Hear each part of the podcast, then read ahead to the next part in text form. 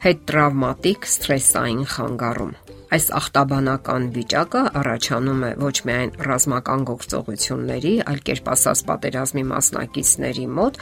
այն լինում է նաև աղետների, զոհերի, բռնության ենթարկվածների մոտ։ Կարող է դրսևորվել ամենօրյա կյանքում՝ հիվանդագին բաժանումներից կամ դավաճանությունից հետո։ Հոգեբանական վնասվածքի հետադարձ դրսևորումները կամ հետևանքները կարող են պարզապես մղձավանջի վերածել մարդու կյանքը։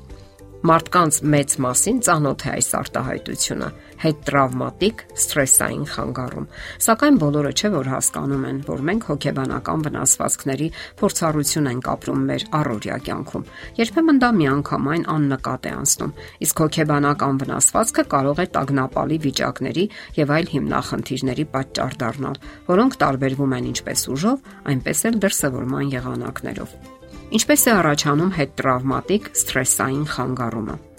Կլինիկական հոգեբան Ջորջ Սայմոնը գրում է, որ այս ախտաբանական վիճակի բնույթը բավականին բարդ է ճանաչել։ Հիմքային մակարդակում վնասվածքը շոկ եւ վախ է առաջացնում։ Մեր մտքի եւ մարմնի հակադարձումը տարբեր է, կախված վնասվածք պատճառող բուն իրադարձության թափից եւ անսպասելիությունից։ Երբ տեղի է ունենում մի իրադարձություն, որը շփոթության է մատնում մեզ կամ նյարդայնացնում, դա հավասարակշռությունից հանում է մեզ։ Սովորաբար միայն ժամանակ է հարկավոր, որpիսի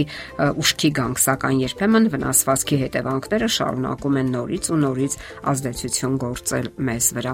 Այդ ժամանակ մենք նորից ենք վերապրում վնասվածք պատճառած իրադարձությունը։ Մեր հույզերը դառնում են անվերահսկելի եւ անհավասարակշիռ, հատկապես այն դեպքում, երբ գործողության մեջ են մտնում գրգռման եւ հակազդեցության համակարգերը։ Այդ վնասվածքներն ազդում են նաև մեր մտածողության եւ տրամադրության վրա։ Մենք սկսում ենք խուսափել ոչ հարմարավետ իրավիճակներից, հատկապես եթե դրանք ինչ որ ձևով հիշեցնում են ցավոտ իրադարձությունները։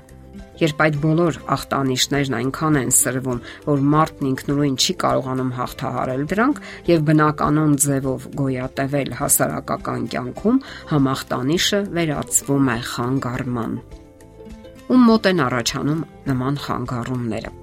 Հետ տրավմատիկ սթրեսային խանգարման դասական դեպքերը հանդիպում են մարտական գործողությունների վետերանների մոտ, ովքեր մահեր ու մահվան սարսափներ են զգացել, տեսել են ընկերների զոհվելն ու վիրավորվելը։ Այդ վիճակն ապրում են նաև նրանք, ովքեր գտնվել են տարերային աղետների մեջ, ֆիզիկական եւ սեռական բռնության ենթարկվել։ Սակայն, եթե նրանք հոգեբանական վնասվածք ստացել են ոչ ճգնաժամային հանգամանքներում, դժվար է որոշել, արդյոք հենց հետ տրավմատիկ սթրեսային ախտանշաններն են դրսևորվում այդ մարդու մոտ։ Այդպիսի վնասվածքներ մենք հաճախ ստանում ենք մարդկանց հետ հարաբերություններում։ Օրինակ, դավաճանության դեպքում Այն ժամանակ, երբ ամուսնությունն ամուր ու երջանիկ էր թվում, դա շփոթահար է անում մարդուն եւ անգամ շոկի մեջ գցում։ Մարդը կորցնում է տեղի ունեցածի իրական զգացումը։ Սկզբում նա կարող է նույնիսկ քաղցածության մեջ ընկնել։ Առաջին ցնցումից հետո մարդը ընկնում է հույզերի փոթորկի մեջ՝ սարսափ, բարկություն, դառնություն, վիշտ եւ նույնիսկ հուսահատություն։ Եվ ինչպես հաճախ է պատահում հետ տրավմատիկ սթրեսային խանգարման ժամանակ, մարդը կարող է հետադարձ տհաճ հիշողություններ վերապրել, որոնք առաջ են գալիս ցավոտ իրադարձության հետ կապված իրավիճակներում, այդ մասին զրուցելիս, նմանատիպ վիճակներ ապրելիս եւ այլն։ Այդ վերապրումներն ինքնին վտանգավոր չեն, սակայն տևական շարունակվելու դեպքում հոգեբանական խանգարումների առիթ կարող են հանդիսանալ, որովհետև մշտական տագնապը աշխարից հերթական հարվածը ստանալու սպասումներ է ծնում։ Վերջին հաշվով այդ բոլորը կարող է աշխարից հիասթափվելու առիթ դառնալ։ Մարդն անցել է ծանր փորձությունների միջով հաճախ իրեն չեն հասկանում եւ անլուրջ են վերաբերվում իր ապրած փորձառություններին ինչն ինքնին եզակի է իր տեսակի մեջ։ Այդ իրադարձությունները լիովին վերափոխել են այդ մարդու կյանքը։ Նկատենք, որ մեզանից ոչ մեկը ապահովագրված չէ նման հարվածներից։ Մեծ մասն իհարկե չի մասնակցում մարտական գործողությունների կամ ենթարկվում տարերային աղետների, սակայն յուրաքանչյուր մարդ կարող է հոգեբանական վնասվածք ստանալ։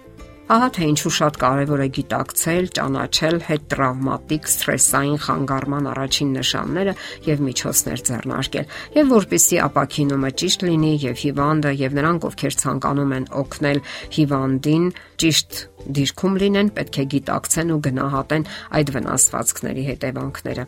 Կարևոր է պատկերացնել այն սարսափն ու հոգեբանական հարվածները, որ ապրում են այդ մարդիկ։ Նրանց հետ հարկավոր է մեծապես հարգալից եւ ըմբռնող վերաբերմունք ունենալ։ Ընթունել նրանց հույզերն ու ապրումները, հնարավորություն տալ կիսվելու ապրումներով եւ տպավորություններով։ Դա կօգնի նրանց ազատ ագրվելու ճնշող մտքերից, զգալ, որ իրենք միայնակ չեն եւ որ իրենց հասկանում են եւ ընդունում։ Պետք է իմանալ, որ այդ մարդիկ կարող են տարբեր հուզական բռնկումներ ունենալ եւ դա միանգամայն հասկանալի է։ Եվ վերջապես հարկավոր է ոչ միայն ընդունել ու հարգել նրանց, այլև ամենակարևորը սիրել այդ մարդկանց, ովքեր կյանքի յուրահատուկ դպրոց եւ եզակի փորձառություն են ապրել։ Եթերում առողջ ապրելակերպ հաղորդաշարներ։ Հարցերի եւ առաջարկությունների համար զանգահարել 033 87 87 87 հեռախոսահամարով։